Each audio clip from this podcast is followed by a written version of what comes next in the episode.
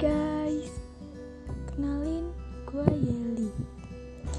Ini podcast pertama gue tentang broken home. Apa kabar? Gue tahu hari ini betapa susah lu menyembunyiin sebuah luka yang mungkin gak akan pernah hilang.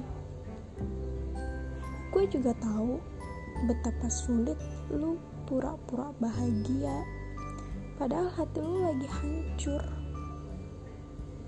Siapa sih yang gak kenal dengan istilah ini?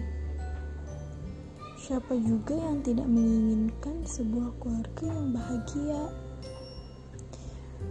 Menurut gua kebahagiaan pertama itu berasal dari keluarga. Bener gak sih?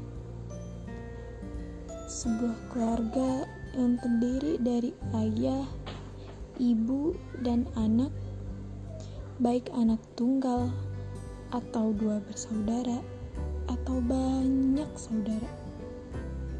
Semua itu adalah komponen lengkap dalam suatu keluarga.